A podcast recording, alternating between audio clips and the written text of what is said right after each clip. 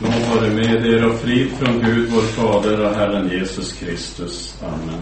Jag ska läsa predikotexten en gång till. Det är alltså verserna 13 och 14 i Matteus sjunde kapitel. Och Jesus säger så här. Gå in genom den trånga porten. Den port är vid och den väg är bred som leder till fördärvet. Och det är många som går in genom den. Men den port är trång och den väg är smal som leder till livet och det är få som finner den. Amen. Herre, skriv dessa ord i våra hjärtan. Amen. Ja, det är nog många människor som uppfattar Jesu ord här som stötande. För vad är innebörden egentligen? Jo, att de flesta människor går mot fördärvet. Det är bara få som finner den väg som leder till livet. Och det är ju tvärt vad människor vill tänka. Visst förstår man ju, och man ser ju i, i världen idag, att det finns människor som det är rimligt, det är, det är rättvist att de blir fördömda. Och då tänker man på terrorister, man tänker på våldsverkare, man tänker på krigsherrar som orsakar mycket mänskligt lidande. Men de flesta människor då? De flesta människor är ju hyggliga. Kan det verkligen vara så att den övervägande majoriteten av alla människor går mot fördärvet? Och det här är ju en plågsam tanke. Det är en svår tanke även för troende att tänka så. Och vi ska komma ihåg att det var ju en, en det är ju en sanning också som, som orsakar Jesus stor sorg. Vi hör ju hur han grät över Jerusalem. Frälsningen fanns där för dem, men helt i onödan så gick de förlorade, för de ville inte.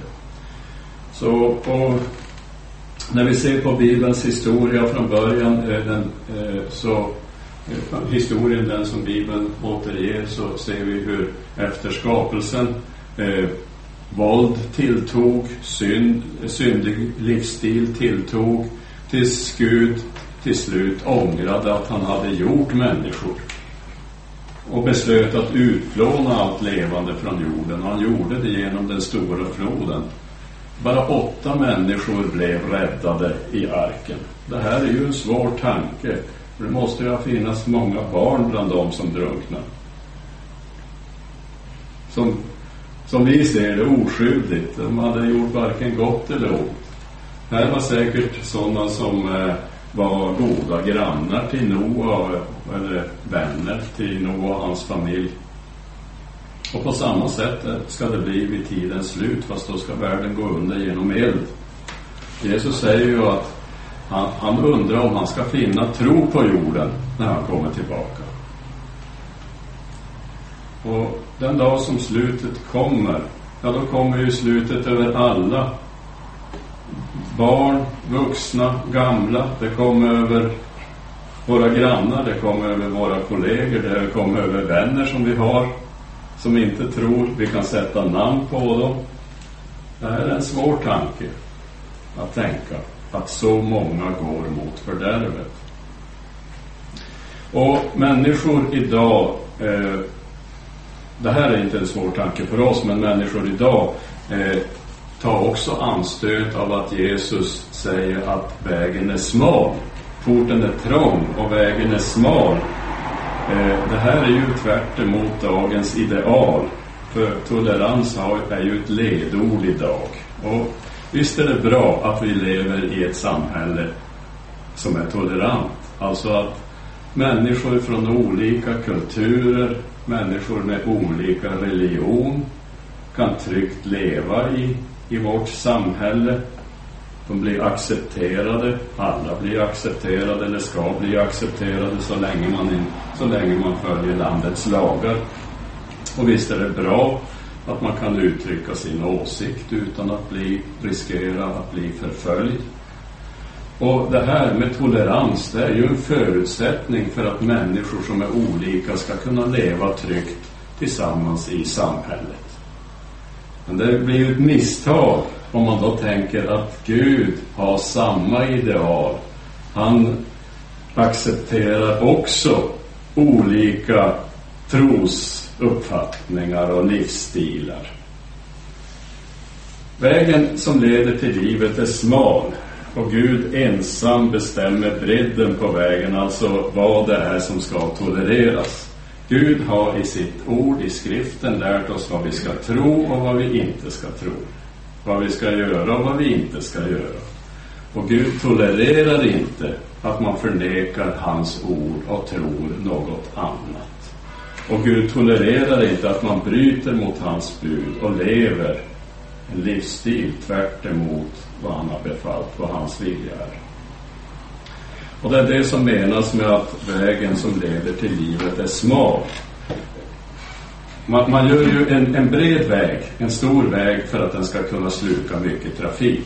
Man gör en, en, en smal väg och, och den klarar inte så mycket trafik. Men vägen som leder till livet den kallas ju inte smal därför att den bara tål en viss trafikmängd.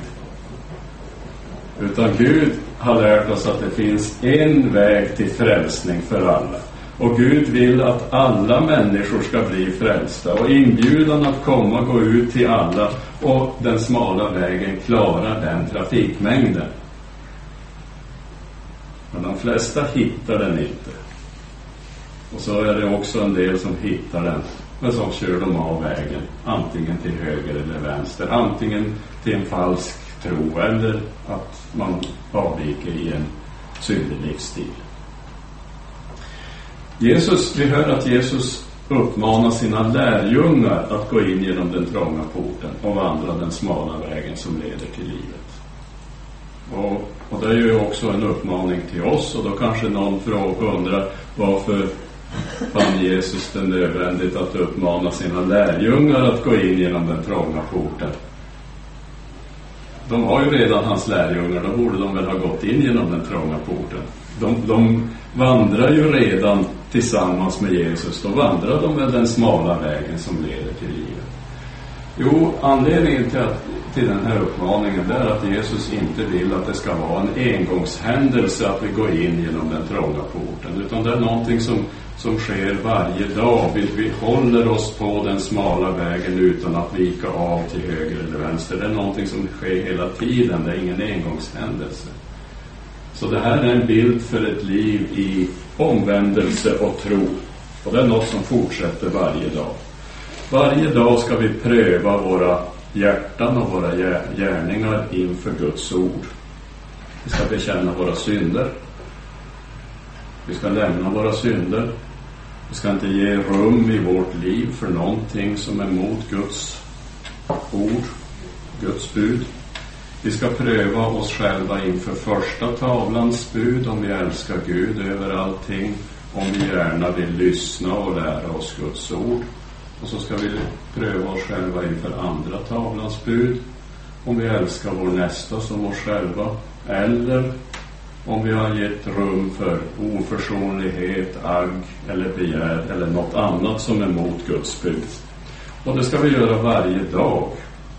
Och spegla oss i buden, ångra vår synd, bekänna vår synd inför Gud och lämna den. Vi ska lämna allt det som hindrar oss att fortsätta vandra den smala vägen som leder till livet. Eh, nu när vi gör så här att vi börjar spegla oss i Guds bud, vad finner vi då? Vad, vad säger spegelbilden? Jo, vi är syndare som är värda syndens straff. Men vi ska inte för, för den skull förtvivla. För Gud har gett oss ett löfte. Om vi bekänner våra synder så är Gud trofast och rättfärdig så att han förlåter oss våra synder och renar oss från all orättfärdighet. Och om vi har syndat, Gud talar till oss och undervisar oss i sitt ord för att vi inte ska synda. Men om vi har syndat så ska vi veta att vi, vi har en som för vår talan inför Fadern, Jesus Kristus. Han är rättfärdig, inte vi, men han är rättfärdig. Och han är försoningen för våra synder och inte bara för våra, utan för hela världens. Och det här det är ju ett glatt budskap till oss syndare. Och det finns bara ett evangelium. Det finns bara ett verkligt glatt budskap och det är budskapet om frälsningen i Kristus. Och det stärker vår tro och det är genom tron vi blir frälsta så det stärker vår tro så att vi förblir på den här smala vägen som leder till livet. Och det finns ju ingen annan väg. Jesus säger ju, jag är vägen, sanningen och livet. Och hos, i Apostlagärningarna 4.12 så står det, hos ingen annan finns frälsningen, inte heller finns det under himmelen något annat namn som givits åt människor genom vilket vi blir frälsta. Den här uppmaningen som vi har läst att gå in genom den trånga porten och vandra den smala vägen som leder till livet, det kommer som en inledning till det som sen följer i Matteus 7 Eh, från 15 versen och framåt. Och där varnar Jesus oss för de falska profeterna. Och så beskriver han de falska profeterna med en bild som inte behöver någon förklaring för den är så klar och tydlig. De kommer klädda som får men invärtes är de rovlystna vargar. Eh, och många människor idag stöter sig nog på Jesu varning för de falska profeterna. Vad är det här? Hur kan man säga att det finns falska profeter? När man inte kan säga vad som är sant och falskt, då finns det väl heller inte sanna och falska profeter. Människor tänker så här, eh, det går ju inte att säga vem som är en sann eller falsk profet för att eh, var och en får ju leva efter sin sanning. Var och en har ju rätt att bestämma vad, vad, som, är, vad som är en sanning som man lever efter. Men yes, det här är en subjektiv uppfattning om vad som är sant och falskt. Och, och Jesus hade inte en sån subjektiv uppfattning om vad som är sant och falskt. Så vi behöver ju inte läsa långt i evangelierna för att förstå att det finns en objektiv sanning. Alltså den är sann därför att Gud säger så oavsett vad människor tycker och tänker, oavsett om någon överhuvudtaget tror på den. Guds ord är sanning. Så Guds ord är sant även om ingen tror på det. Och då finns det ju också någonting som objektivt sett är lögn. Allt det som strider mot skriften, alla åsikter som är tvärt emot vad Gud lär i sitt ord, är ju objektivt sett lögn. Så det är så. Vi kan inte själva välja vad som är sanning för oss om vi vill bli, förbli på den smala vägen som leder till livet. Då får vi hålla oss till Guds ord sanning. Och många falska profeter har trätt fram genom historien och, och förlett många människor. Och i de allra flesta fall så kan man säga att de falska profeterna har förkunnat vad människor har tänkt ut. Människotankar, människobud. I vissa fall när man läser om en falsk profets historia så, så förstår man att det finns nog ett diaboliskt inslag. Här finns det ett inslag av påverkan från onda andar. Men, men i de allra flesta fall så ser man att man har plockat vad människor har tänkt ut och människobud. Har människor rätt att stifta trosartiklar? Påven är ju en företrädare med stor makt och anseende som, som har tagit sig rätten att stifta trosartiklar. Har människor rätt att stifta trosartiklar? Har människor rätt att eh, stifta bud och säga vad som är rätt och fel? Nej. Det är bara Gud som har rätt att bestämma vad som är en gudomlig sanning, vad vi ska tro på. Och det är bara Gud som har rätt att bestämma vad som är synd och vad som är en god gärning. Och det är också han som en dag ska döma alla människor efter deras gärningar och han dömer efter sin lag, inte vad människor har valt för sanning att leva efter. Utan alla, alla blir ju dömda efter Guds lag. Har han rätt att göra det? Vi är hans skapelse, allt vi ser runt omkring och vi själva tillhör honom. Han har rätt att döma det döma oss och han kommer att döma alla människor oavsett vad majoriteten tycker om det. Det är en sak som inte går att rösta bort. Eh, om vi vill förbli på vägen som leder till livet så får vi alltså inte tro på allt och alla eller välja själv vår sanning. Världen är full av ideologier och de framförs på många olika sätt och särskilt idag när, när medierna på, på alla sätt eh, framför olika tankar och värderingar och, och, och tankesätt. Vi, hur ska vi ställa oss? Jo, vi ska pröva allt och det är Guds ord som avgör vad som är sant och falskt. Och i sitt ord så håller Gud också framför oss och visar oss målet för vår vandring på den smala vägen som leder till livet. Och vad är målet för vår vandring? Ja, målet går uppåt och den, vi ser ett ljus, det är himmelens härlighet. Det är målet. Och Gud har lovat att den som tror på Sonen har evigt liv. Och Guds ord och Guds löfte ger oss trygghet och, och ger oss också uthållighet att hålla fast vid Guds ord, även om vi blir motsagda av de flesta. Ja, även om vi står ensamma så är vi ju trygga när vi håller oss till Guds ord och när vi har Jesus vid vår sida. Men för de allra flesta människor så skulle det kännas väldigt kusligt. Det är ju någonting annat som ger trygghet för de allra flesta. Att tro och göra som majoriteten av människor gör, det känns ju tryggt. Men då tänker man att så många kan ju inte ha fel.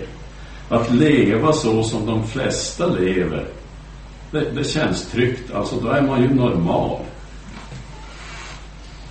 Och, och, så tänker man att göra så, det kan ju inte vara fel. Alla gör ju så. Men Jesus säger det är inte alls tryggt att tro som de flesta tror. Och det är inte alls tryggt att leva som de flesta lever. De flesta tror tvärt emot Guds ord och de flesta lever också tvärt emot Guds ord. Och att de är många hjälper inte. Så det är en bred väg som leder till fördärvet. Det är en svår tanke, det är en stor sorg. Vi gråter, Jesus gråter. Och det är Guds ord som är vår vägvisare på den smala vägen som leder till livet. Psalmisten säger ju så här, ditt ord är mina fötters lykta och ett ljus på min stig. Och en stig det är ju en smal väg, så det är ju en bra bild. Ditt ord är mina fötters lykta och ett ljus på min stig och så är det mörkt runt omkring och så, så har man Guds ord som ledstjärna. Så vi ska tro det som Gud lär oss i sitt ord och vi ska leva så som han befaller i sitt ord. Och det innebär att vi ska ägna oss åt Guds ord, vi ska läsa vår bibel, vi ska gärna lära oss vad bibeln lär och vi ska bevara oss, bevara det i våra hjärtan. Och så kanske någon blir förskräckt och tänker, vilken tjock bok. Hur, hur ska jag kunna lära mig allt det och bevara det i mitt hjärta? Men eh, Gud har ju svar också på det. Paulus säger så här till Filipperna. Tänker ni fel i något avseende så ska Gud uppenbara också det för er. Dock bör vi hålla fast vid det som vi har nått fram till. Och det gäller ju också oss. Vi ska hålla fast vid det som vi har nått fram till. Och doktor Martin Luther hade ju gjort det enkelt för oss med lilla katekesen. Och katekesundervisning, det är ju någonting som ni alla har fått. Och lilla katekesen, det är ju en sammanfattning av Bibelns lära, en mycket fin sån. Och det är inte en lära bara för barn, utan det är en lära som vi ska öva oss allihop i. Så det är en liten handbok som vi kan använda för att avgöra vad som är en rätt tro och för att avgöra vad som är ett liv som för välsignelse med sig.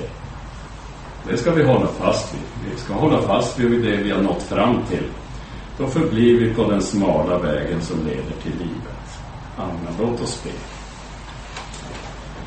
Herre, du vår käre Fader, du har gett oss ditt ord som lär oss vad vi ska tro och hur vi ska leva. Helga oss i sanningen, ditt ord är sanning. Du har sänt din son som världens frälsare. Sänd din Ande i våra hjärtan så att vi tror på din Sons Jesu Kristi namn och älskar varandra så som du har befallt oss. Låt ingen föra oss vilse, utan behåll oss på den smala